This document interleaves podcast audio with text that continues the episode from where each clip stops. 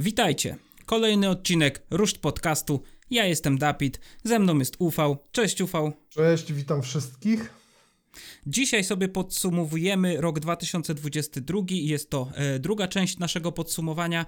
Zmieniamy trochę formułę, porozmawiamy sobie po prostu o najważniejszych według, według nas grach w, w drugiej połowie 2023 roku, bo jest tego e, na tyle dużo, że obawiamy się, że nie zmieścilibyśmy się w godzinie, a jednak ten godzinny format chcemy utrzymywać. I byśmy sobie zaczęli od omówienia Alana Wake'a 2. Co ty na to ufał?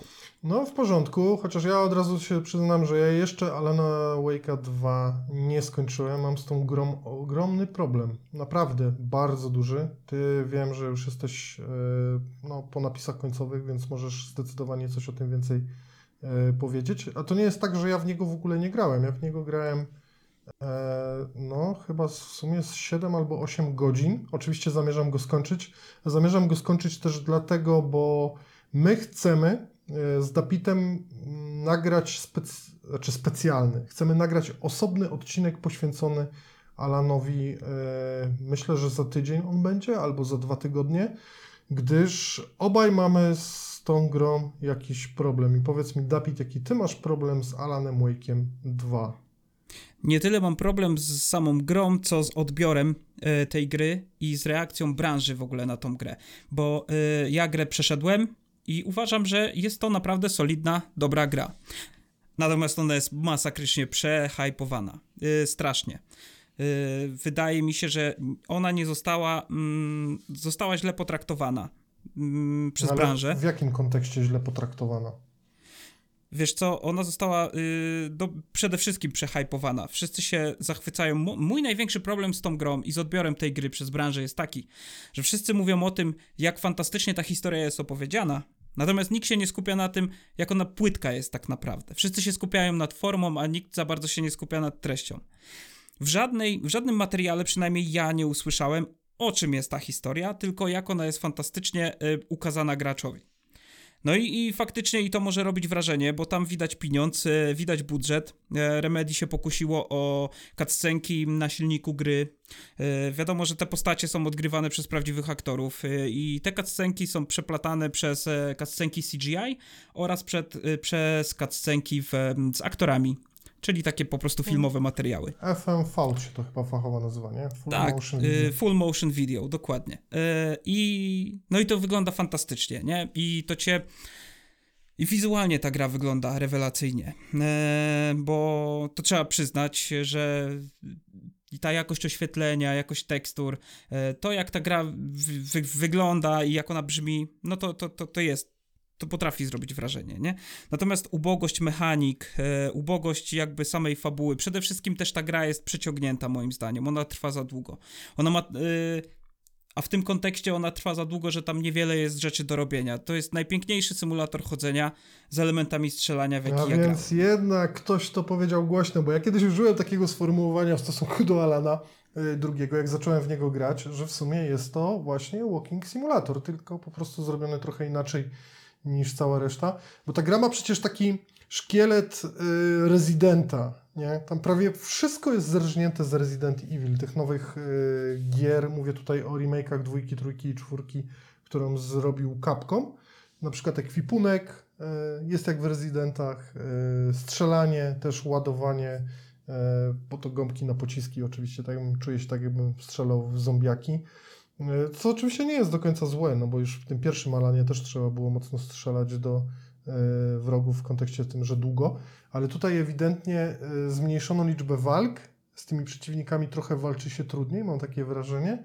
I jest to zrobione właśnie na modułę rezydenta, ale tego chodzenia jest faktycznie sporo.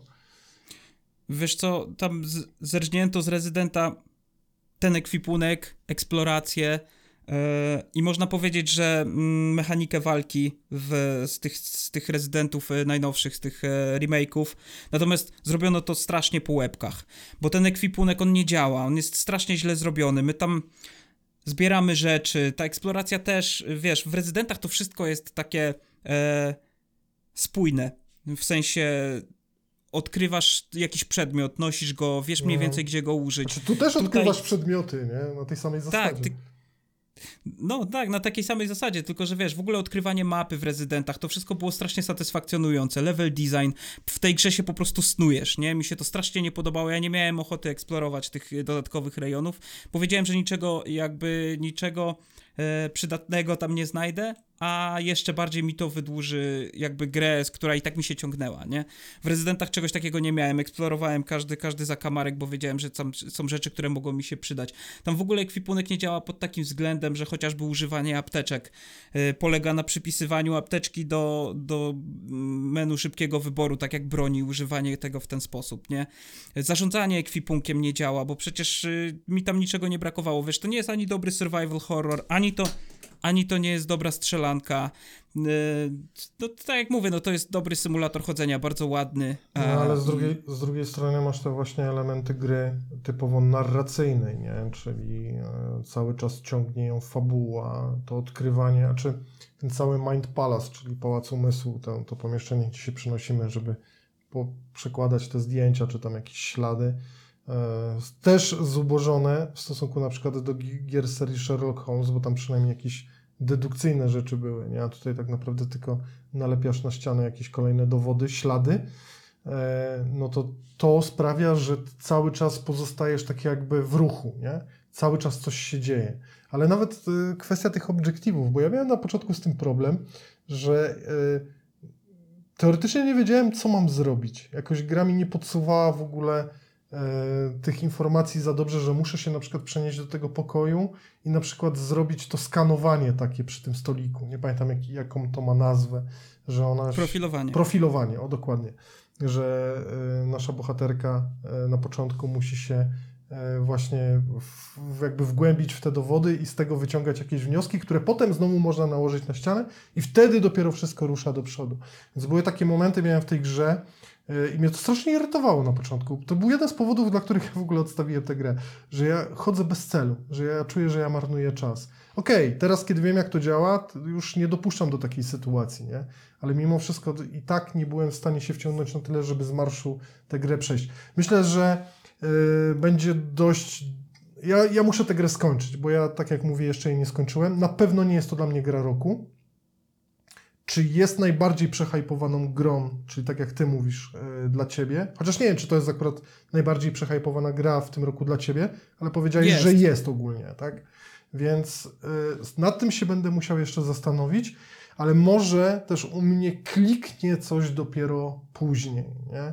No bo na razie mm, podobało mi się na przykład ten sam początek, to śledztwo, że znajdujemy te zwłoki koło tego sklepu rozłożone na stoliku. To wszystko było strasznie efektowne.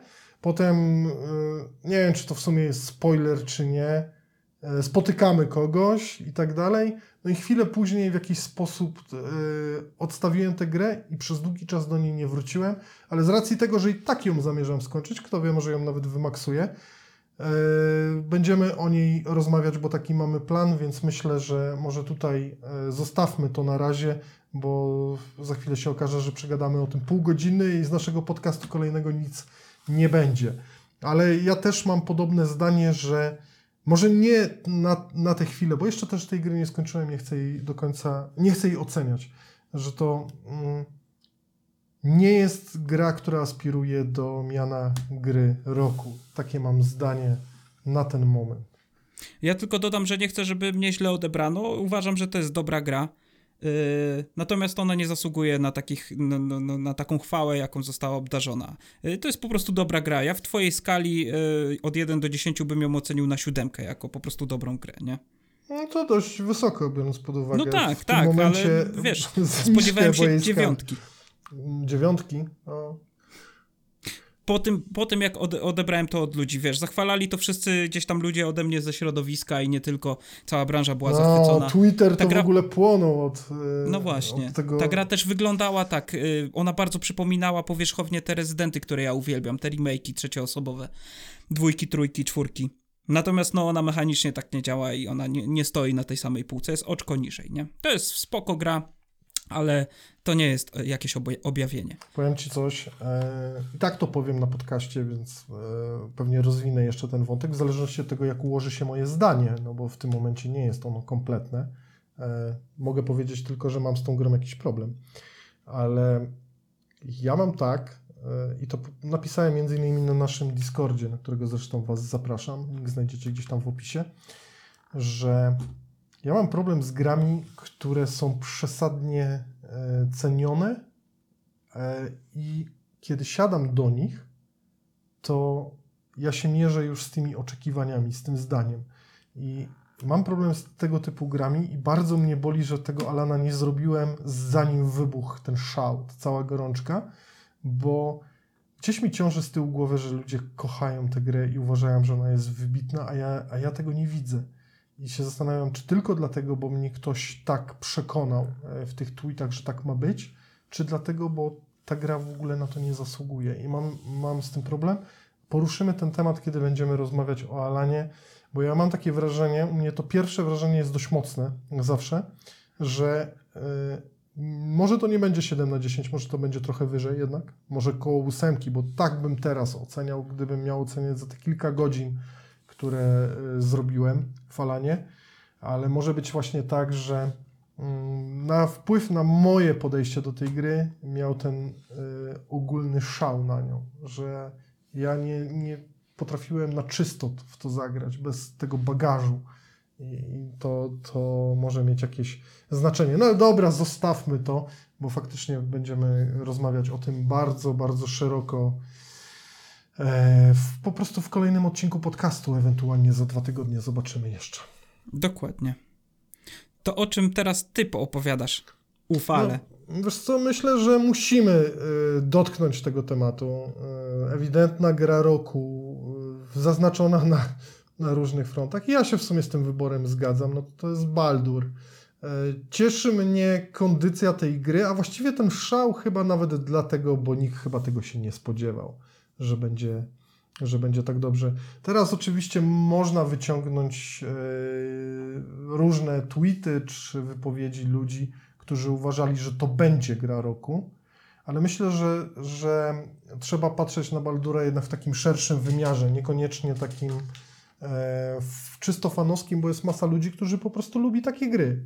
I dla nich Baldur z miejsca zapowiadał się perfekcyjnie a jest masa ludzi, i to chyba dobrze już y, widzimy, którzy ograli tę grę też na konsolach, którzy niekoniecznie lubią ten gatunek, a może też fakt, że ta gra jednak mimo wszystko trochę wychodzi poza ten gatunek, że jest trochę, no nie chcę użyć takiego słowa, ale może mniej siermiężna jak te stare izometryczne RPG, że ona jest bardziej widowiskowa, że to wszystko gra lepiej i, i że ta gra trafiła po prostu do mainstreamu i ten mainstream ją pokochał.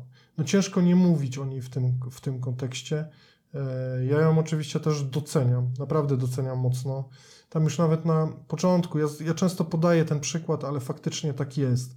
Jest tam taka scena zaraz po wyjściu ze statku, kiedy właściwie wchodzimy do świata, e, który możemy już eksplorować swobodnie.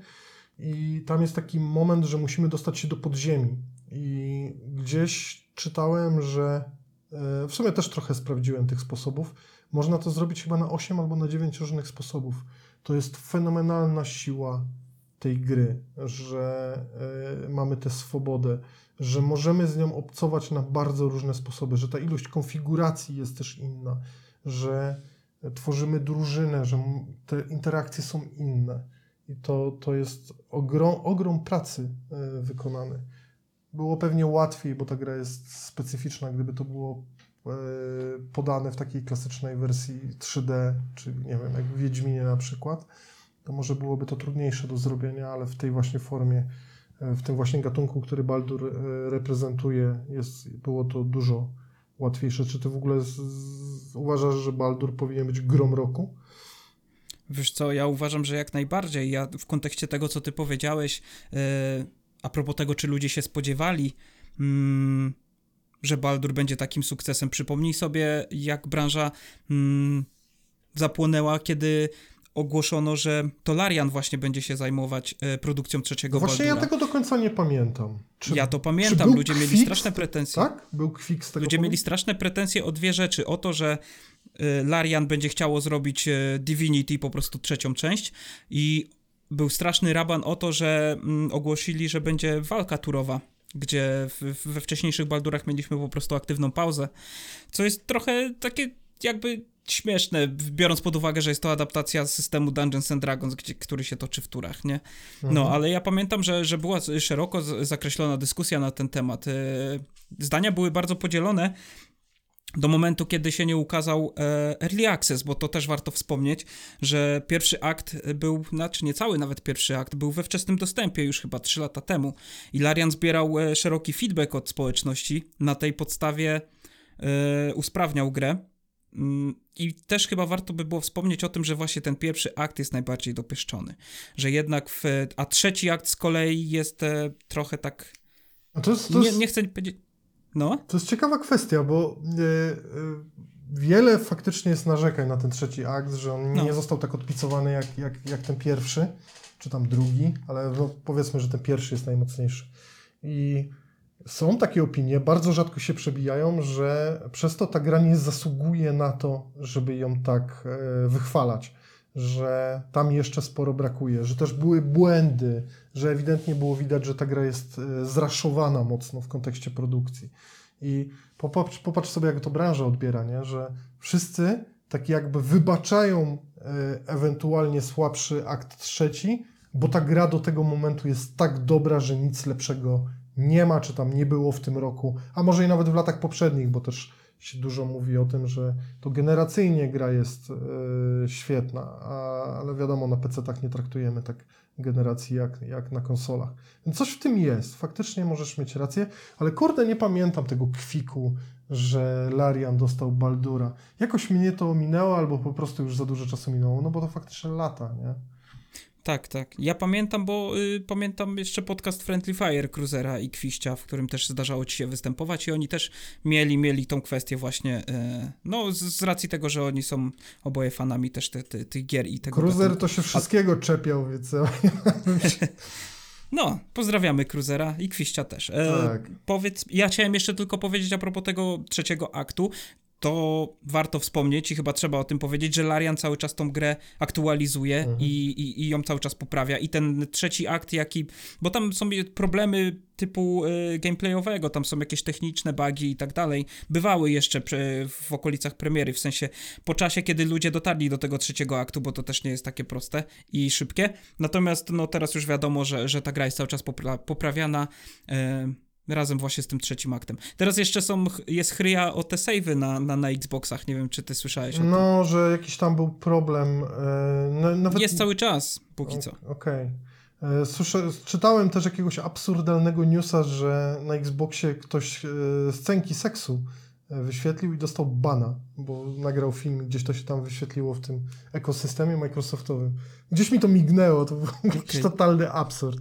No ale e, nie czytałem całej historii, więc mogę tutaj e, coś przekręcić. Powiem Ci jeszcze coś a propos Baldura, e, bo, bo po premierze Baldura był bardzo duży kwik o to, że inni producenci, widząc w jakiej kondycji jest ta gra jak fenomenalnie jest zrobiona, trzymajmy się, się tego, że ona jest porządna, nie? Nawet jeśli ma tam jakieś swoje braki, zawsze Jasne. powtarzam, że gra jest tak dobra jak wiele jesteśmy w stanie jej wybaczyć. Y, mam wrażenie, że fani Baldura wybaczają bardzo wiele y, trójce, jeśli faktycznie są takie problemy do tej pory. I teraz y, jest taki kwik lekki producentów, że ta gra jest tak dobra, że wszyscy będą teraz oceniać kolejne na przykład RPG, dajmy na to, niekoniecznie turowe, czy zrobione na tą modłę taką pseudo-izometryczną, tylko że będą wszyscy oceniać RPG, action RPG też gry w kontekście Baldura. I ja się zastanawiam, czy to jest tak do końca zasadne, czy można y, mieć pretensje do tego, że kto, ktoś po prostu wyszedł przed szereg. Zastanawiałem się nad tym dlatego, bo powiem Ci szczerze, że mm, przygotowując swój ostatni materiał o grach na dychę, y, to było o grach, w których y, dałbym dychę w ciągu ostatnich pięciu lat. Tam nie było Baldura. Myślę, że nie okiełznałem jeszcze tej gry na tyle, żeby, żeby wyrażać się tak definitywnie na ten temat, że to jest Grandychy, może jak jeszcze raz do niej usiądę, kiedyś e, zrobię to pewne rzeczy trochę inaczej, e, to, to może się tak o taką ocenę pokuszę, ale ja tam raptem widziałem tylko dwie gry, które by na taką ocenę zasługiwały. I, I muszę powiedzieć, że Baldur jest grą, która się kwalifikuje do takiej dychy. Więc y, mało strasznie powstaje takich gier, ale właśnie o to chodzi. Mamy gry, które dla wielu wychodzą poza ten standard. To znaczy, nawet jeżeli mamy multum gier dobrych lub bardzo dobrych, to są też gry wybitne. I myślę, że Baldur się do takich gier zalicza i nie rozumiem do końca takich obaw, że e, inne gry na tym stracą. No to jest tak jak gry open worldowe traciły, bo wyszedł Red Dead 2 i, i przytłoczył wszystkich detalami, nie? A i tak wielu ludzi uważa, że, że Red Dead nie jest jakiś uber wybitny, jest za wolny i tak dalej, i tak dalej. Pomijmy to. No dokładnie, ale wiesz, to, to, to cały ten raban podnio, podniosły firmy, wiesz, wydawcy i hmm. deweloperzy, którzy, którym się zaczęło palić po prostu pod nogami, bo tak jak mówisz, no nikt raczej byli entuzjaści, którzy zapatrywali się na tego trzeciego Baldura, były jakieś przesłanki ku temu, że, że ta gra jednak będzie dobra. Mhm. Nikt się raczej nie spodziewał, że będzie aż takim hitem. E, no i wiesz, i deweloperzy patrząc na swoje mm, gry, które wypuszczali, które no często teraz wychodzą niedokończone, to już są, wiesz, kwestie jakieś tam e, niedopatrzenia budżetów i tak dalej, to wiesz... E, zobowiązań co do akcjonariuszy, inwestorów i tak dalej, gry trzeba wypuszczać niezależnie od tego, jak one, w jakim stanie są. No i wychodzi nagle taki Baldur dopieszczony. Wiesz, to też jest kwestia tego, znaczy, że Larian dopieszczony, było... no to, to tutaj... No, później się okazało, okay. że no właśnie, dobra, ale pokochany przez graczy, nie? Można tak powiedzieć i dający na tyle, na tyle fanu i odświeżenia w tej całej zupie branżowej, że no, że gracze jednak postanawia postanawiają jakby, no, docenić ten tytuł i branża sama w sobie też, też jakby doceniła i nagrodziła tą grę. Y, I w tym kontekście, wiesz, były takie obawy, że nagle ludzie grając w Baldura będą przez ten pryzmat patrzeć na inne gry i to się deweloperom i wydawcom nie podoba, bo będą musieli podnieść poprzeczkę po prostu swoich produkcji. I mi się wydaje jako graczowi tak samo jak tobie, że no nie ma w tym nic złego i to raczej oni się powinni do nas dostosowywać niż na odwrót. Że to my powinniśmy usprawiedliwiać teraz tych wszystkich twórców i wydawców, że no ta gra jest niedorobiona i nie jest w połowie tak fajna jak Baldur, no ale nie ma co się spodziewać, nie? Jednak pod uwagę, no. jak chodzą też inne tytuły, które są bardzo popularne, jakoś nie bałbym się na przykład, nie wiem, bo nie wiem, nie pamiętam już kto miał największy ból dupy o to, powiedzmy sobie wprost, e, ale zakładam, że gdyby był to na przykład taki Ubisoft, to raczej nie miałby się o co martwić, nie? bo ludzie i tak będą kupować ich gry, ale fakt faktem, że e, to, to jest cechą gier wybitnych, że jest ich tak mało, nie? że zrobienie czegoś spektakularnego w tej branży czegoś poza, wyjście poza ten standard, poza taką, taką typową bańkę dla gier, bo gry się też robi według jakiegoś szablonu, nie? Wszyscy się patrzą na konkurencję, co konkurenci mają i niektórzy dają coś więcej, ale przecież nie wszyscy, no bo to też musi się spinać i, i czasowo, i, i kasowo, no bo przecież to wszystko kosztuje. Gry też nie można robić w nieskończoność, a pamiętajmy też, że Baldur powstawał bardzo długo. Ten early access, no nie wiem, za 3 lata trwał więc był czas na, na, na badanie, badanie tego, co mówią gracze, na dostosowywanie się do nich, no i jeszcze zaskoczenie ich, bo tak jak mówię, to jest w ogóle coś spektakularnego, że w sumie dwie najlepiej oceniane gry roku, Alan Wake 2 i Baldur's Gate 3, to są w sumie największe niespodzianki. Nikt się chyba nie spodziewał takiego sukcesu, nie? Ciekawe. Mhm. Ja bym chciał jeszcze też zrobić odcinek, y, może gdzieś w przyszłym miesiącu o Baldurze. Wiesz co, ja, ja, też... ja potrzebuję, Dapit, y, naprawdę sporo czasu. Ja bym chciał wejść okay. w Baldura y, tak na bardzo długo, na minimum 200-300 godzin. Ja mam dość dużo przegranego w Baldura czasu, ale ja nie uważam, że ja jestem jeszcze kompetentny, żeby się o tej grze wypowiadać. Nie? To jest trochę tak jak z case'em Alana. Nie? Z jednej strony już coś widzę, i na przykład kierowałbym się w stronę oceny 10 na 10 w przypadku Baldura, ale to jest jeszcze, nie uważam, że jestem jeszcze odpowiednio doświadczony. Nie? Tak jak w przypadku Alana. Już mi się coś nie podoba, ale nie powiem definitywnie, że jest to dla mnie rozczarowanie. O. To umówmy się tak, że sobie przysiądziemy do tego Baldura i się spotkamy za kilka miesięcy, zrobimy o tym odcinek. Tak, A może, ja cię...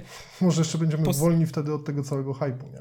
Dokładnie, sezon ogórkowy się zacznie, będą wakacyjki e, i, sobie, i sobie wtedy zrobimy odcinek, usiądziemy. I to może być też takie nawiązanie co do Alana Wake'a, mm, że ty wcale ci się nie śpieszyło do, do ogrania tej gry, natomiast ja ci wysłałem screena, że już mi się instaluje i to cię trochę tak e, no, zmotywowało do tego. Tak, bo ja dosłownie ją odpaliłem e, w okolicach premiery, dość szybko odpadłem e, i faktycznie twój ruch e, w jakiś sposób... Ja w ogóle nie planowałem do tej gry wracać w miarę szybko, ale jak, jak faktycznie pokazałeś mi, że ją instalujesz, to coś mi tknęło. Nie? I wtedy stwierdziłem, dobra, walić to, jedziemy z tym koksem. W końcu i tak muszę się z nią zmierzyć, nie? Tylko jakoś to Mhm. odwlekałem. Kurde, to, to będzie zajebisty case, żeby o nim pogadać e, Tak. na podcaście, bo i- mnie się to rzadko zdarza, coś takiego, żebym tak bardzo unikał też gry. W sumie nawet nie wiem dlaczego. Ja nawet lubię ten gatunek, przecież ja uwielbiam gry rezydentowe, uwielbiam takie survival Do, horrory. dokładnie, ja też uwielbiam, dlatego tak się zawiodłem, nie? Ale sobie o tym porozmawiamy. Mm. Ufał, ja bym chciał, żebyśmy przeszli do innej gry, od której ja bym chciał zacząć w ogóle. No jak mi powiesz, Od gry. No, słucham. Starfield? Tak, dokładnie Starfield, bo w poprzednim odcinku sobie powiedzieliśmy o czymś takim, o grach, które zabłysły i bardzo szybko zgasły. E, przywołaliśmy wtedy mm, do tablicy grę Diablo 4 i wyobraź to sobie, widziałeś ostatnio oceny Starfielda na Steamie? No jasne, że widziałem, nawet będę dzisiaj nagrywać o tym materiał. No właśnie, i bo ja bym chciał tylko powiedzieć, jeżeli ktoś jeszcze z naszych słuchaczy nie wie i nie pamięta, yy, było wielkim zaskoczeniem to, że gra, która się ukazała na premierę w Game Passie i PC-owym, i konsolowym, bardzo dobrze się sprzedała na Steamie. I to Mhm. nawet w tej wersji, która tam kosztowała chyba 5 stów, że się dostawało ją kilka dni czy tam tydzień wcześniej. Mm, 100 Był dolarów, tak, prawie 5, Tak. 500 zł, tak. No. Yy, I wtedy myśleli sobie wszy- wszyscy, no i to też był taki okres, że wszyscy o tej grze gadali, prawda? Yy, Spodziewaliśmy się wielkiego hitu, natomiast yy, minęło kilka miesięcy, ludzie pograli sobie w tego Starfielda, chyba stwierdzili, że to kolejna po prostu zwykła gra Bethesdy na troszkę przestarzałej technologii, no i te oceny na Steamku się zaczęły zmieniać. Ty możesz powiedzieć, przybliżyć nam, bo nie wiem, chyba masz otwartą kartę albo i, albo i nie, ale robisz o tym materiał, więc pewnie będziesz wiedział, No tak, jak mam to w głowie te ten dane. moment. Wiesz co, No. ogólna ocena Starfielda jakoś nie spadła mocno, e, Mhm. bo teraz ten taki mm, ruch, ja bym go łączył z tym, że gra została, e, znaczy trafiła do, em, obniżono jej ocenę e, z tych okazji wyprzedaży zimowych i chyba Mhm. nawet o 30%, więc e, no, dla wielu jest to już taka ocena atrakcyjna. To jest w ogóle ciekawy case, bo mówisz o tym w kontekście, że gra była w Game Passie, a mimo wszystko wielu ludzi ją na Steama kupiło. Ja, ja łączę to raczej z tym, że ludzie po prostu kochają grać na Steamie. I, i Tak. nawet y, ta dużo tańsza alternatywa nie jest dla nich y, jakimś magnesem do tego, żeby w grę zagrać. Mogą to zrobić, co popatrz w kontekście Starfielda, jeżeli tyle ludzi ocenia ją tak negatywnie, bo ta różnica pomiędzy pozytywnymi i negatywnymi recenzjami nie jest wbrew pozorom y, taka mała. W tym momencie tych recenzji pozytywnych jest około 90 tysięcy, a tych recenzji negatywnych jest około 50 tysięcy, dlatego to daje powyżej 60%. Ale to też nie jest tak, że masa ludzi grilluje Starfielda. My patrzymy się na ocenę, zwłaszcza na tą ocenę z tych ostatnich 30 dni, bo ona jest tam cholernie niska. I nam się wydaje, że y, Starfield dostaje megabaty, ale jest też masa ludzi, którym się ta gra zwyczajnie podoba. Tylko jakby zapominamy o tym, że jest ta masa ludzi, którym się ta gra podoba i patrzymy się tylko na ten negatywny odbiór. No ale fakt faktem, y, to jest gra Bethesdy i ona dostała niemiłosierne baty.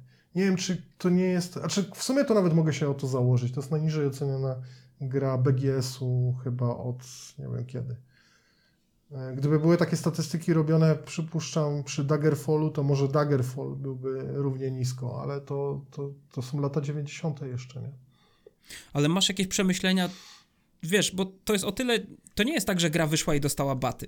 To nie jest tak, że gra wyszła i miała średnie oceny i po czasie ludzie ograli i stwierdzili, że a, jednak kiepska jest ta gra. Tylko wiesz, no ta gra naprawdę rozbłysła na premierę, wiesz, wszyscy wieńczyli ogromny hit, mimo zdawania sobie sprawy, że jest to gra Bethesdy na tym samym silniku, w tym samym jakby y, sosie cały czas kipiącym, e, na tej technologii i tak dalej, z, tej, z, z, z, tym oglądaniem y, y, szybkiej podróży, mm, instancjonowanymi No, ale lokacjami. Właśnie, no właśnie, czy jesteś absolutnie pewny, że oni o tym wiedzieli? Bo ja mam takie wrażenie, że nie. Że y, ludzie sobie stworzyli jakiś obraz gry, która y, nie istnieje. Być może jest duża wina w tym Bethesdy, bo ją źle y, pokazywali. Y, Ja nigdy nie oglądałem tego godzinnego materiału przed premierą, nie? ten, w którym pokazali bardzo szeroko omówienie Starfielda. Ale obejrzałem sobie sporą część już po premierze, kiedy w grę grałem. Ja mam takie wrażenie, że oni się tam akcentowali na rzeczach, które potem nie były właśnie w jakiś sposób pokazywane, a wyszły najmocniej, jeżeli chodzi o krytykę. Na przykład loadingi. Nie? Może właśnie problemem jest to, że kiedy mówi się o, o grze kosmicznej, że w tym kosmosie latamy i nagle okazuje się, że to jest wybrakowane. Nagle okazuje się, że mamy rozwiązania rodem z Fallouta czy ze Skyrima, gdzie wejście do lokacji to zawsze jest loading. Te lokacje są małe. Gdy okazuje się, zresztą robiłem o tym materiały, że lądowanie na planecie oznacza, że tworzony jest jakiś kwadrat, po którym się poruszasz.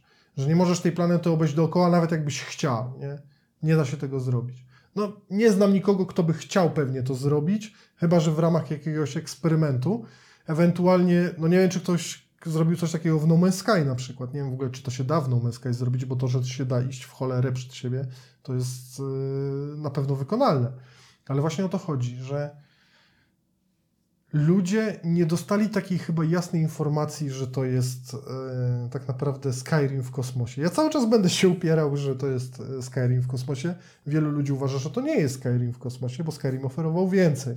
Ale ja uważam, że Skyrim miał jedną dużą mapę i pewnych rzeczy tam nie zauważaliśmy. E, tak Dobrze, mocno. tylko ja teraz się y, zgodzę z tobą nie zgodzić, bo że ludzie nie dostali takiego komunikatu, bo ty mówisz o oficjalnych y, jakby doniesieniach Bethesdy przed premierą na których ja się w ogóle też nie skupiałem i powiem ci szczerze, że nie interesowało mnie to. Mnie nie też interesowało... nie, bo mnie ta gra w ogóle nie interesowała, powiem szczerze, przed premierą. Dobrze, tylko że wiesz, ja jako odbiorca skupiłem się na doniesieniach branżowych, na recenzjach, bo dostęp do recenzji mieliśmy już przed premierą i tak mhm. tak jak wielu też graczy kupiło tę grę przed premierą i też już robiło materiały. Ja zobaczyłem pierwszy gameplay. To, to chyba była recenzja Game Ranksu.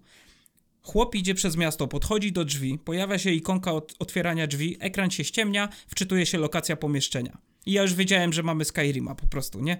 Jakby tylko tyle mi to, to i to było, nie wiem, z trzy dni albo, albo tydzień przed premierą. I wiesz, i te doniesienia były. Recenzje się pojawiły, że to jest po prostu gra Bethesdy. Gra się fajnie, ale nie spodziewajcie się, bo w, w niej nie ma, nie ma eksploracji kosmosu, nie ma otwartego świata, y, mamy instancjonowane lokacje, mamy y, panele szybkiej podróży i gra się fajnie, da się w to wciągnąć, ale pamiętajcie, że gra jest taka i taka i ma takie i takie wady, jest trochę przestarzała technologicznie. Nie spodziewajcie się cudu. A mimo to ludzie się rzucili i mi się wydawało, że to wystarcza, że Bethesdzie się udało, że ludziom się to podoba. A ty mówisz, że jednak nie, że oni się skusili na to, że na tą mm, obietnicę otwartego świata i dopiero się zorientowali po mm. trzech miesiącach, że, że jest nie tak, czy... Nie, Dapit, ja mówię tro, tro, troszkę o czymś innym. Mm, mhm. Ja myślę, że um, ludzie mają tak, że jeżeli mocno czekają na jakiś produkt, no, gadamy o grach komputerowych, mocno czekają na jakąś grę, to mają jakieś wyobrażenie, czym ta gra będzie. I oni chyba ja tak nie mam, ale więc zakładam, to są tylko moje przypuszczenia, że jest wiele osób, które po prostu kreuje sobie obraz gry w głowie, zanim faktycznie w nią zagra. I nagle okazuje się, że to nie jest tak do końca. Przecież bardzo dużo się mówiło o tym, często się widywało takie e, stwierdzenia albo takie, nie wiem, oczekiwania ludzi, na przykład na Reddicie, że to będzie No Man's Sky z fabułą. Że Bethesda zrobi tą taką typową. E, troszkę miałką, ale mimo wszystko taką breję fabularną. Będzie ten główny wątek, będą e, wątki poboczne, dokładnie tak jak na przykład w Skyrimie, ale my będziemy mieć swobodę, a się okazuje, że tej swobody nie ma. Sam się skupiałem przecież na tych ograniczeniach e, dość mocno. Też w recenzji, którą zrobiłem, e, podkreślałem to, że ta gra nie jest taka. E, wręcz przeciwnie, że to jest zwykła Bethesda gra, bo dla mnie to nie jest nawet gra. Ludzie porównują to z innymi RPGami, że świat poszedł do przodu. A ja uważam, że Bethesda robi w kółko tę samą grę od, nie wiem, ponad 20 lat. I Starfield nie jest żadnym wyjątkiem. Wiesz, kiedy będzie największy kwik? Kiedy wyjdzie Elder Scrolls 6. Bo jest... I będzie taki sam. Dokładnie, bo mamy w tym momencie dwie drogi. Albo mm, Bethesda y, stwierdzi, kurde, popełniliśmy błąd, bo te oceny są jednak za niskie bo jest bardzo dużo narzekania, bo ta gra nie spotkała się z takim fenomenalnym przyjęciem, nie zgarnęła nagród, wygrał z nami Alan Wake 2, my nawet nie dostaliśmy się do, do tych prestiżowych nagród w niektórych przypadkach, nie? Nawet Cyberpunk z nimi wygrał, można powiedzieć. No, a znaczy w zasadzie dodatek do Cyberpunka, no ale No. okej. Więc może to będzie, będzie taki przyczynek do tego, żeby ktoś tam stwierdził, kurde, musimy usiąść z powrotem do tej deski kreślarskiej. Może potrzebujemy naprawdę bardzo mocnego upgrade'u silnika, a nie tylko takiego udawanego, jak w przypadku Creation Engine 2. I musimy zrobić pewne rzeczy w Elder Scrollsach inaczej. Ale jeśli nikt tego nie zrobi, to przecież minie te parę lat i my dostaniemy następcę Skyrima, który będzie wyglądał dokładnie tak jak Starfield. Tylko może znowu nie odczujemy tych loadingów mocno, bo będziemy cały czas poruszać się po jednej dużej mapie i tylko okazjonalnie wchodzić do budynków czy do jakichś miast, ale dalej nadal będziesz mieć mało NPC-ów, nadal będziesz mieć e, odcięte lokacje, nie będziesz poruszać się ruchem płynnym pomiędzy nimi, bo gra będzie wczytywać te lokacje. I nadal będzie to ten sam silnik. Znowu będą te same narzekania. Milion przedmiotów kompletnie niepotrzebnych. E, puste lokacje. Te, te same NPC, które mają grację manekinów, nie? Na tej zasadzie. Więc nie jestem taki do końca przekonany, że. E, znaczy, w sumie nie spodziewam się tego. Myślę, że ktoś tam jednak przemyśli tę sprawę i, i ewentualny Elder Scrolls 6 będzie jednak wyglądał troszkę inaczej. Ale w kurde, no nie zdziwiłbym się, gdybyśmy znowu dostali tę samą grę. Ja myślę, że ludzie tego nie rozumieją. Może dlatego, że wyrosło kolejne pokolenie, może dlatego, że oni chcieli po prostu dostać coś innego, odnosi, odnosiłem się do tego na samym początku, a tego nie dostali. Dostali kolejną grę Bethesdy. I teraz pytanie, czy to jest tak naprawdę źle? Przecież jest masa ludzi, nie można powiedzieć, że nie, którym się ta gra też podoba. Ci, te negatywne reakcje, ta, ta krytyka jest zawsze najgłośniejsza. No ale przecież te 90 tysięcy prawie ocen pozytywnych na Steamie skąd się wzięło, nie? To nie jest tylko tak, że Skyrim jest wyłącznie grillowany. On jest grillowany mocno. Jak na tak duży hit jest to na pewno duża niespodzianka, ale no come on, no jest też przecież masa ludzi, którym się ta gra podoba. Prawda. Ja chciałem tylko się zapytać ciebie, bo ja cię rozumiem i generalnie nie mam problemów z tym, co ty mówisz. Natomiast mnie dziwi cały czas to okienko, że to, to nie było tak, że ludzie dostawali komunikaty przed premierą, zaczęli grać w grę i gdzieś tam w przeciągu tygodnia czy dwóch tygodni yy, po takim pierwszym początkowym hypie nagle się zaczęła piana z ust toczyć, tylko ludzie sobie grali przez, no wiesz, cały wrzesień, cały październik. Microsoft się chwalił wynikami Game Passa, wynikami w swoim sklepie y, Starfielda, y, cieszyli się z sukcesu Bethesdy. Mm, Gra się sprzedawała na Steamie, zdobywała dobre recenzje i się zastanawiam, co się stało w przeciągu tych no, dwóch, trzech miesięcy, że nagle No, lu- ludzie wtedy się zorientowali, że to jest jednak gra i tam nie masz, wiesz, y, eksploracji świata. Nie wiem, no trzeba byłoby przede wszystkim przelecieć przez te wszystkie recenzje, ale myślę, że one byłyby bardzo podobne do siebie. e, Że generalnie jest to zawód, że nie można latać statkiem kosmicznym, że to wszystko jest udawane, że często loadingi, może jakieś błędy techniczne i tak dalej. No, prawda jest taka, że mm, kiedy obniżasz cenę gry, to więcej osób do niej siada. Zwyczajnie, bo ją po prostu kupuje. Więc wiesz, kupują ją też ludzie, którzy są już naładowani tymi informacjami. Znowu wróćmy do tego case'u Alana. Czy mnie przeszkadza y, to, że Alan jest tak chwalony, a ja nie potrafię się zakochać, nie? Tutaj może być bardzo podobny przypadek, tylko w drugą stronę. Okej. Y, Ludzie wiedzą, że ta gra jest grillowana i w sumie tak jakby dostają tego potwierdzenie, bo są już naładowani tymi negatywnymi informacjami. Ja nie wiem, czy to jest taki przypadek, bo każdy ocenia uczciwie. Pamiętaj, że na Steamie tę grę trzeba kupić. I to za niemałe, y, mimo obniżki, za niemałe pieniądze. Na Game Passie możesz grać dużo taniej, więc może, mogłeś sobie to zdanie wyrobić już wcześniej. Ale wiesz co, zajrzałem na recenzję na tym, w tym ekosystemie Xboxa, jak to tam wygląda. Yy, Tam jest mało recenzji, chyba 230 parę, yy, bo to wczoraj sprawdzałem. I tam jest ocena 2,9 na 5. Czyli powiedzmy troszkę niższa, gdybyśmy ją chcieli przełożyć na tą 10 e, stopniową skalę, to by było pewnie gdzieś tam poniżej szóstki, nie? Mhm. No powyżej między 5 a 6, nie? Czyli bardzo podobnie. I to są już ludzie, którzy generalnie grali za darmo, tak w cudzysłowie oczywiście, e, i którzy są z Polski prawdopodobnie, bo tych recenzji zakładam, że jest dużo, dużo więcej, ale ten ekosystem Xboxa pokazywał te 230 ileś recenzji, które zostały napisane przez Polaków. Albo głównie przez Polaków, albo ludzie, którzy po prostu grają w Polsce. Więc y, to też nie jest tak, że ta gra ogólnie ma bardzo wysokie oceny. Ona ma wszędzie niskie oceny i nawet ludzie, którzy gry teoretycznie nie kupili albo nie wydali na nią tyle kasy, bo mają ją w Game Passie, też im się coś nie podoba. No ale zostaje to odwieczne pytanie, czy ile osób recenzuje, czy ci, co. Yy, czy ci ludzie, którym się ta gra po prostu podoba, też piszą recenzje i tak dalej. Nie wiem, co się stało. Tak wracając jeszcze do Twojego pytania. Myślę, że podstawową kwestią jest to, że po prostu więcej ludzi tę grę kupiło. Nie ma takiego jakiegoś monumentalnego przepływu tych recenzji, bo to też sprawdziłem. E, w ciągu tych ostatnich dwóch tygodni przybyło, nie wiem, około 10 tysięcy e, recenzji. No, e, to jest liczba konkretna, ale żeby robiła jakąś różnicę w tej skali tych recenzji, które już były, to nie, bo wszystkich jest ponad 130 tysięcy, więc myślę po prostu, że to jest kumulacja rzeczy. To, o czym mówiłem na początku, czyli jakieś takie zniechęcenie, e, to, że może oczekiwania były lepsze, może wielu ludzi po prostu chciało faktycznie zobaczyć, czy ten grill był zasadny, nie? I nagle odpalili grę i okazało się, że jednak tak, nie? Według nich oczywiście. Bo ja tak do końca okay. nie uważam. Dobrze.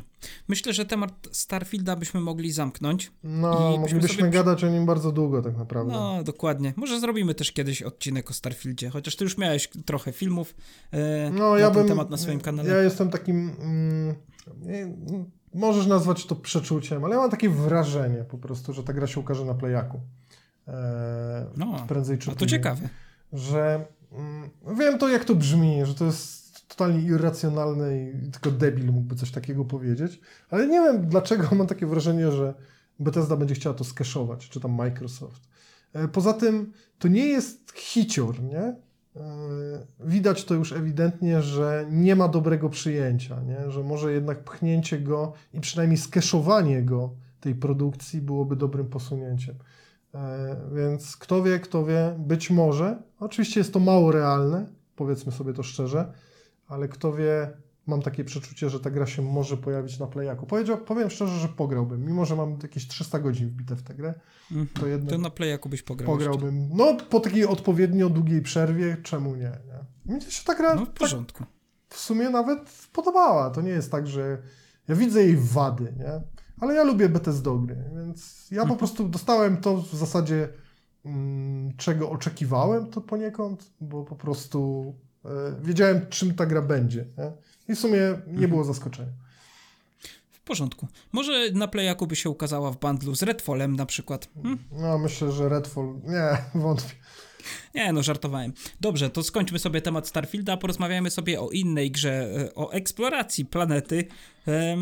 To jest drugi najlepszy symulator chodzenia, w jaki grałem po Alanie Wake'u w tym roku, e, czyli gra The Invincible, niezwyciężony od krakowskiego studia Star Wars Widzę, Industries. że trzymamy się tematycznie. Tu, tu Starfield... Dokładnie, jak już sobie rozmawiamy. E, bo wydaje mi się, że jest o czym mówić. E, gra mi się podobała, tobie też, z tego co pamiętam. Natomiast no, ona się okazała wtopą finansową, co jest trochę przykre. Bo mi się gra bardzo podobała, ona jest śliczna. E, ja grę ogrywałem na Steam Decku, grałem sobie trochę też na komputerze. Ona naprawdę fenomenalnie wygląda. Ona była zrobiona na Unrealu 4. Devowie jeszcze przed premierą mówili, że mm, są w planach, e, jest w planach port e, na VR, na jakąś platformę VR-ową. Teraz to nie wiadomo po, po, po, po premierze, jak, jak, jak to będzie. Dużo kontrowersji, znaczy duż, duż, dużo kontrowersji. Dyskusja się wywiązała po premierze a propos tego, że akcje firmy spadły w dół. E, no gra się nie, nie została dobrze przyjęta też chyba na zachodzie, z tego co wiem. E, oczekiwania finansowe firmy też były wyższe w stosunku do sprzedaży. No i to jest trochę taki, taki case. Jak to zostało źle przyjęte na zachodzie? W jakim kontekście? No to wiecie co, Simplex z podcastem Kwadrat przywoływał recenzję chociażby IGN-u. Ona tam została oceniona chyba na 4 na 10. Wiesz co, e, z tego co, co pamiętam, to oceny na mm, Steamie, chociaż one nie są jakimś tam super wyznacznikiem, to było e, około 90%. E, natomiast Metacritic chyba około 70 się ostatecznie zamknęło, więc faktycznie nie jakoś wysoko, ale pamiętajmy też, co to jest za gra. Mhm. No jest to symulator chodzenia. Jedyny symulator chodzenia, który naprawdę zrobił komercyjny sukces, przepraszam, jeśli się mylę, ale wydaje mi się, że nie, jest to Firewatch. I do której zresztą tej grze jest bardzo blisko. Mm, Ona była chyba nawet punktem wyjścia do, do produkcji e, niezwyciężonego, więc. Pan Adrian chyba też dobrze wyszedł na swoim karterze. E, a tego nie wiem, ale wiesz co, patrzyłem, porównywałem, bo dość duży temat był, jak wychodził niezwyciężony, jak sobie ta gra radzi na Steamie, bo na Steamie mamy jedyny taki rzeczywisty pomiar i prawdziwy. E, ile ludzi gra w daną grę, więc dużo ludzi się do tego odwołuje. E, też w przypadku gier multiplatformowych, nie tylko PC-towych. No i, i tam no, niezwyciężony sobie radził na poziomie innych e, gier tego typu. Nie pamiętam, jaki tam Carter miał wynik, ale tak naprawdę jedyną grą, która y, zażarła w, z tego gatunku, powiedzmy tych walking simulatorów, to był Firewatch i to w zasadzie tyle. W sumie nawet nie wiem dlaczego. Ja raczej ja lubię Firewatcha, ale dlaczego akurat ta gra, a nie na przykład inne, Carter czy tam, e, nie wiem, Gone Home albo coś ten, coś ten deseń. No, ja oceniłem niezwyciężonego dość wysoko. Mnie się ta gra bardzo podobała. Tobie chyba też, nie? Z tego co Tak. pamiętam. No, więc y, jako doświadczenie, ja w ogóle nie lubię tego gatunku. E, takie łażenie bez celu. E, nuży mnie. O, ja potrzebuję trochę więcej działania, może tak się wyrażę. Albo przynajmniej, żebyśmy od czasu do czasu mieli, nie mówię o jakichś sekwencjach akcji niesamowitych, ale po prostu, żeby robić coś więcej. Wszystko mi tam grało. Klimat, muzyka. E, też fajne potraktowanie materiału źródłowego. To, to też muszę przyznać To prawda. bo, bo fajnie pospinano te historie z, z pierwowzorem, więc dla mnie to jest całkiem spoko gra. E, 9 chyba dałem i powiem szczerze zasłużenie. Najlepszy walking simulator, jaki, w jakiego grałem. Zobaczymy, jak będzie za lanem. No dokładnie, ja tylko powiem, że y, co robi lepiej y, The Invincible od Alana Wake'a, to to, że jest krótszy. Bo przynajmniej nie jesteś w stanie się y, znużyć tą historią. Ale ci ludzie E, nie, zniszczą no za tak- tego grilla. No, nie wiem. Nie, ja mówię, mi się, mi się Alan Wake 2 naprawdę podoba, ale jest, jest prze, przeciągnięty. Nie jest za- słychać za długi tego. I, I no ja wiem, ale dla mnie najlepsze recenzje to są takie, gdzie chłop siedzi i narzeka, narzeka, narzeka, narzeka i na, na końcu mówi poleca, super gra. No, tak jak grałem 800 tysięcy godzin w coś na Steamie, ale łapka w dół. Nie? No, no właśnie. Znaczy, właśnie. no, to E? ma swoje y, uzasadnienie, no bo w końcu ktoś może być niezadowolony, nie? A grać Ale nie, jeżeli będziemy gadać o Alanie Wake'u, to ja też pochwalę za, za kilka rzeczy. Mi się bardzo podoba wizualnie ta gra, uważam, że jest detal świetnie zrobiony, bo naprawdę, naprawdę, ale to o Alanie sobie porozmawiamy. E, powiedz mi, czy chcemy sobie jeszcze dodać kilka słów a propos niezwyciężonego? Nie, wiesz co, myśl, myślę, że nie. E, No, trochę mi szkoda tego studia, nie? Szkoda. Powiedziałbym Starfield, ale, ale wiem jak się nazywa Star Wars. E, Taka anegdotka, powiedzmy żarcik, E, bo zdarzało mi się pomylić ze dwa albo trzy razy, e, mówiąc nazwę tego studia, głównie dlatego, że chwilę wcześniej wyszedł Starfield, zrobił ogromne zamieszanie i tak dalej, nieważne. E, Ale wracając, to trochę mi szkoda tego studia, zresztą znam chłopaków, miałem też jakieś tam... Widziałem jak ta gra powstawała w tym takim pierwszym etapie. Mm, Pamiętam jak pierwszą prezentację w ogóle tej gry, jak ona jeszcze była w postaci bloków, nie? Już, Mhm. już wtedy tak naprawdę był zrobione tylko, e, zrobione tylko tło na zasadzie jakiejś tam tekstury e, planety i jakieś takie obrazy w tle, e, niebo i tak dalej. I wtedy sobie pomyślałem, kurde, mają kapitalnego grafika e, odnoś, e, do lokacji, nie? Do, do grafiki środowiskowej. I to się też potwierdziło, ta gra jest bardzo ładna. Ona mi się podoba wizualnie. E, Jest zrobiona z bardzo dużym smakiem, jest taka plastyczna. Te ciepłe kolory robią duże wrażenie. Podoba mi się to miasto. E, Dobra, nieważne. Spoiler. Spoiler. E, I, I to wszystko ma, no, zrobione jest ze smakiem i ta gra mi się naprawdę podobała. Ja się wciągnąłem. Faktycznie może to, że ona Mhm. była krótka, też miało znaczenie, bo tak łyknąłem ją na jedno lub dwa posiedzenia, nie pamiętam dokładnie i, i tak byłem zadowolony, mm, ewidentnie. Po prostu lubię tę grę. Ja tylko dodam od siebie, że naprawdę gra jest warta sprawdzenia. Dodajcie ją do wishlisty, zobaczcie e, ile ona teraz kosztuje. Ona w ogóle na premierę nie była droga, bo tam chyba 125 zł kosztowała. Ewentualnie na jakiejś promocji. Naprawdę warto zagrać, nawet jak nie lubicie e, symulatorów chodzenia. Ja też nie lubię, mimo że grałem w dwa w tym roku. Hehe. E, ale i jeszcze gra działa fantastycznie na Steam Decku. To znaczy ona bardzo ładnie wygląda i działa w 30 klatkach, zazwyczaj płynnych, e, a wygląda rewelacyjnie. No, ja ją kończyłem Nie. na, na piecu, ale będę grać na PS5, bo mam ją kupioną i zamierzam ją nawet No. wymaksować, więc e, zostawiam sobie taki trochę, wiesz, taką poduszkę na wyrzucenie z głowy myśli o tej grze, żeby do niej Mhm. wrócić i no, ciężko przeżyć tę samą historię jeszcze raz, ale zamierzam ją w tym roku właśnie tak e, po całości zobaczyć e, z wszystkimi zakończeniami raz jeszcze i właśnie na Playaku. No. Też polecam.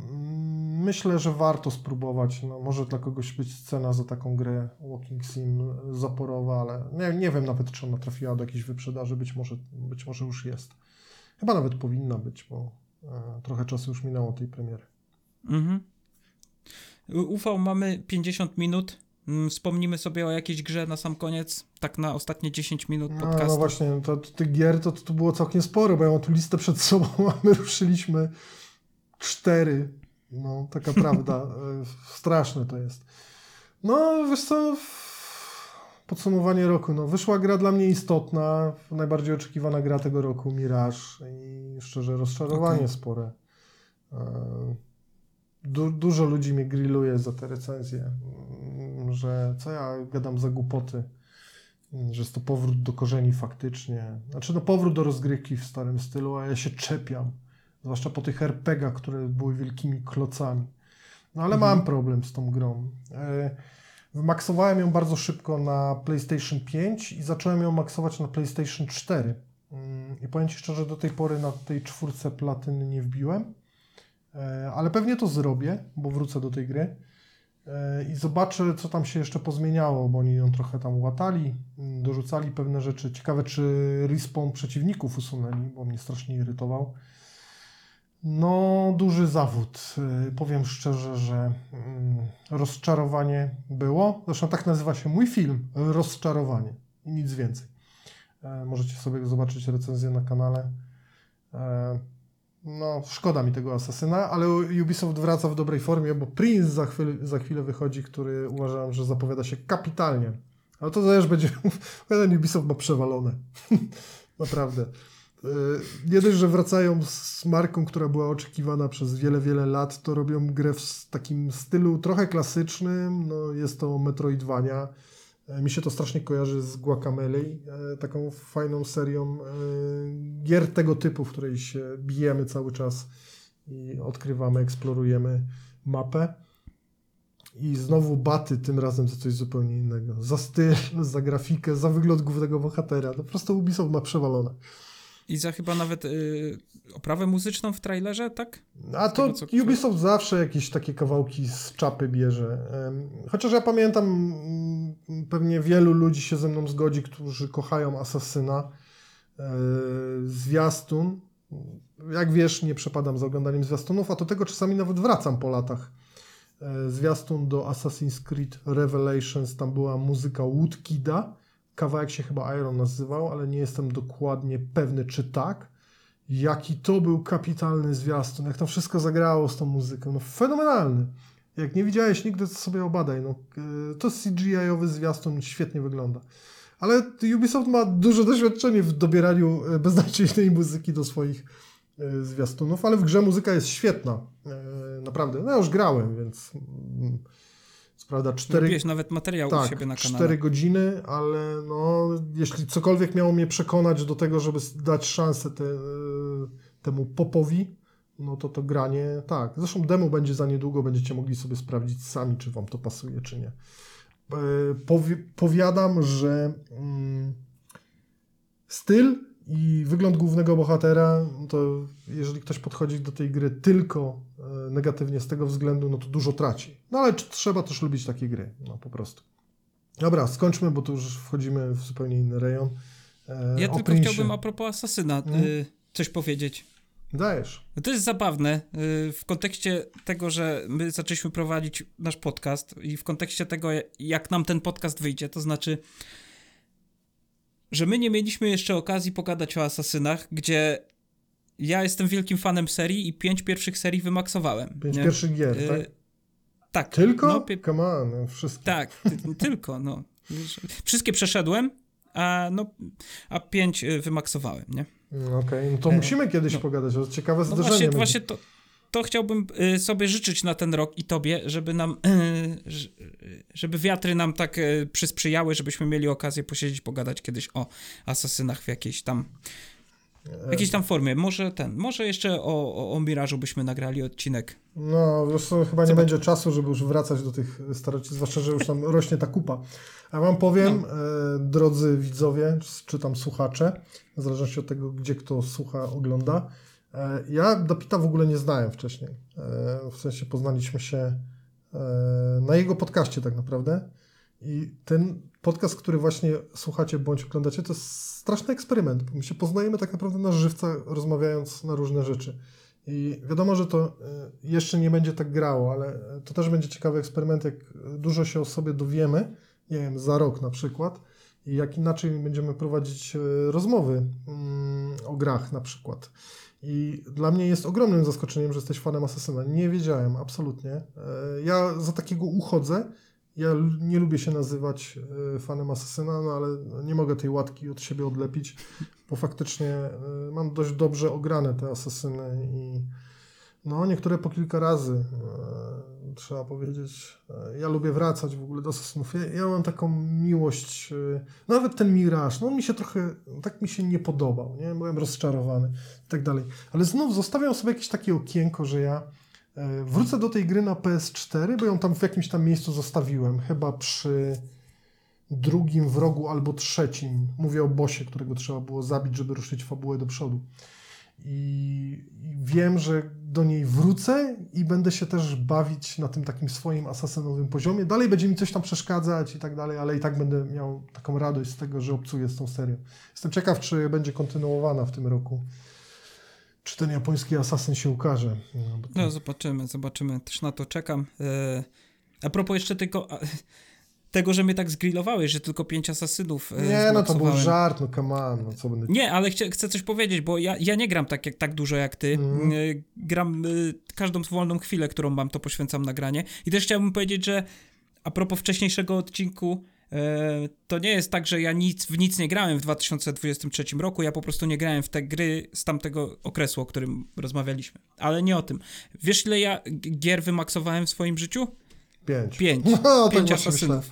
To było, to było nie, nie, ma, nie maksuję gier, nie mam na to czasu, a no, lubię tą serię o tyle, że, że faktycznie poświęciłem ten czas i fajnie mi się to e, robiło po prostu. No. A, muszę ci powiedzieć, że maksowanie gier to jest generalnie e, no, coś ludzie mają z głową, że to robią.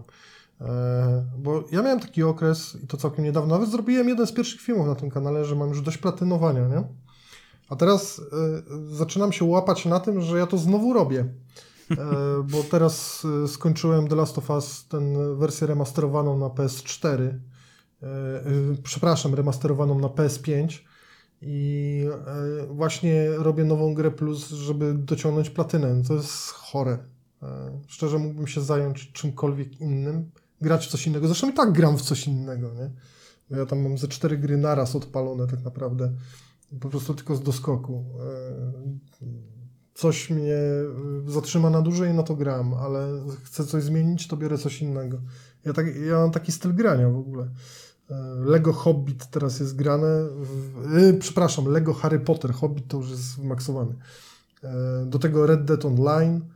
Jeszcze tam parę rzeczy się znajdzie, łącznie z Horizon Chase, Chase Turbo, który też zamierzam wymaksować. I, i no, tak, dużo czasu poświęcam, e, maksuję gry, ale u mnie, bo do tego cały czas zmierzam. Asasyny zawsze miały takie miejsce, że jakkolwiek by złe nie były, ja i tak to wymaksuję. Myślę, zresztą nie jest to żadną tajemnicą. Miraż uważam, że jedną z najsłabszych odsłon Asasyna. I Odyssey uważam za jedną z najsłabszych ocen e, Asasyna. Odyssey jest strasznie rozwleczona, nie przeszkodziło mi to w, w, w wbiciu platyny. Mhm. Gra jest skończona, jak platyna jest wbita. I tak u mnie wygląda gra w Asasyny. Tyle. Ja, dobrze, powoli będziemy kończyć. Ja tylko chciałbym, kończąc ten wątek maksowania, powiedzieć, że mnie nie kręci maksowanie gier i wbijanie trofeów, natomiast y, samo granie w te, w te części Asasyna były o tyle przyjemne, że ja chciałem spędzić w nich tyle czasu, żeby porobić te rzeczy, bo samo maksowanie tych gier po prostu było jakimś takim procesem. Trochę to traktowałem jak, jak wiesz, puzzle, układanie chaosu, czyszczenie tej mapki, odhaczanie tych sobie e, tam działalności na, w tym otwartym świecie. To mnie tak uspokajało, spędzałem sobie w ten sposób czas. Miło spędzałem czas, miałem jeszcze tego czasu trochę. E, no, także Wiesz co, będziemy powoli dobijać do Tak, brzegu, nie? e, jeszcze wrócę do tego, co mówiłeś przed chwilą. Wiesz co, ja mam tak czasami, że mnie takie maksowanie, czy tam e, od, odfajkowywanie e, aktywności w otwartym świecie zwyczajnie nudzi. Ja to robię tylko dlatego, żeby to zrobić, nie? I No mnie na odwrót właśnie. wrócę do poprzedniego odcinka. Jedną z takich gier, i to tegoroczną, którą e, bardzo mi się dobrze robiło. Takie Zeszłoroczną. no, już zeszłoroczną. Ciężko będzie się przyzwyczaić na początku. Było Hogwarts Legacy. W ogóle Mhm. to jest... Nawet na Twitterze pisałem, że tyle fanu mi to daje, a ludzie, dobra, zobaczymy jak będziesz przy 50. zagadce Merlina. No właśnie byłem przy 50. i dalej mi się to dobrze robiło. Nie wiem, niektóre gry po prostu, nawet jak mają masę powtarzalnych czynności, albo bardzo proste rzeczy, które trzeba po prostu odbębnić, to jakoś fajnie mi się robi po drodze, nie? A, a w niektórych grach mnie to męczy, męczy strasznie. W grach Ubisoftu na ogół mnie to męczy, muszę powiedzieć. A na przykład takim Hogwarts Legacy, o którym mówiliśmy więcej w poprzednim odcinku, nie. Uważam, że to jest bardzo dobra gra. Byłaby w top 10 gier mojego roku, co jest niespodziewane i zaskakujące. Mm. I tym optymistycznym akcentem Potterheadowym e, będziemy się z wami żegnać.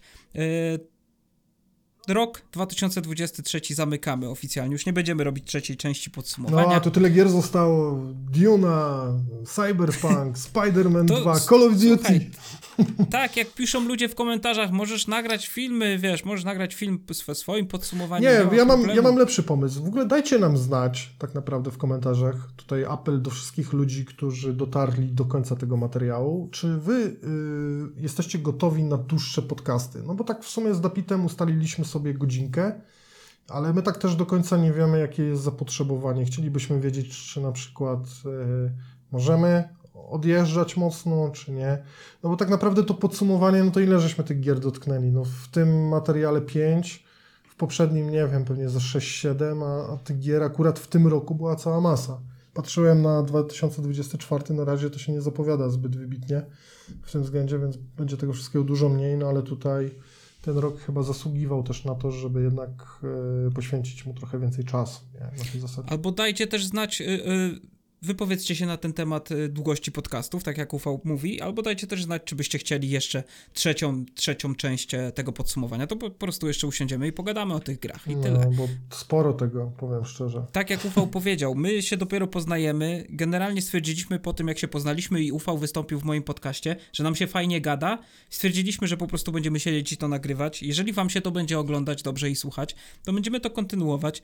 A jeżeli nie, to niestety też będziemy to kontynuować, bo tak postanowiliśmy, więc Tak, idziemy e, w opór bez względu na mm, przyjęcie, które jest na razie dość pozytywne, muszę powiedzieć. E, Nie ogląda może tego zbyt wielu, wielu ludzi, ale jest całkiem spoko. No więc e, cieszy I nas tak to. jak ja jeszcze wspominałem, my zaczęliśmy od y, trudnej strony, bo były takie tematy, które mi niekoniecznie pasowały. Ja też w 2023 roku nie grałem w, w za dużo w gry z tego roku. E, no, ale teraz już mam nadzieję, że faktycznie będzie z górki. Nowy rok, nowy, nowi my, nie ufał? Tak, szybko, szybko to nowimy. Znaczy ja myślę, że Szybko. starzy my, ale zobaczymy jak to będzie. No, dokładnie. I wam wszystkiego dobrego w tym roku 2024. Widzimy się i słyszymy za tydzień. Pogadamy albo o Alanie Wake'u, albo o nadziejach i obawach związanych z rokiem 2024. I to jeszcze zobaczymy. No. Trzymajcie się, dzięki ci ufał i do zobaczenia. Ja również Ci dziękuję i pozdrawiam wszystkich, którzy dobrnęli do końca. Trzymajcie się. Papa. Pa.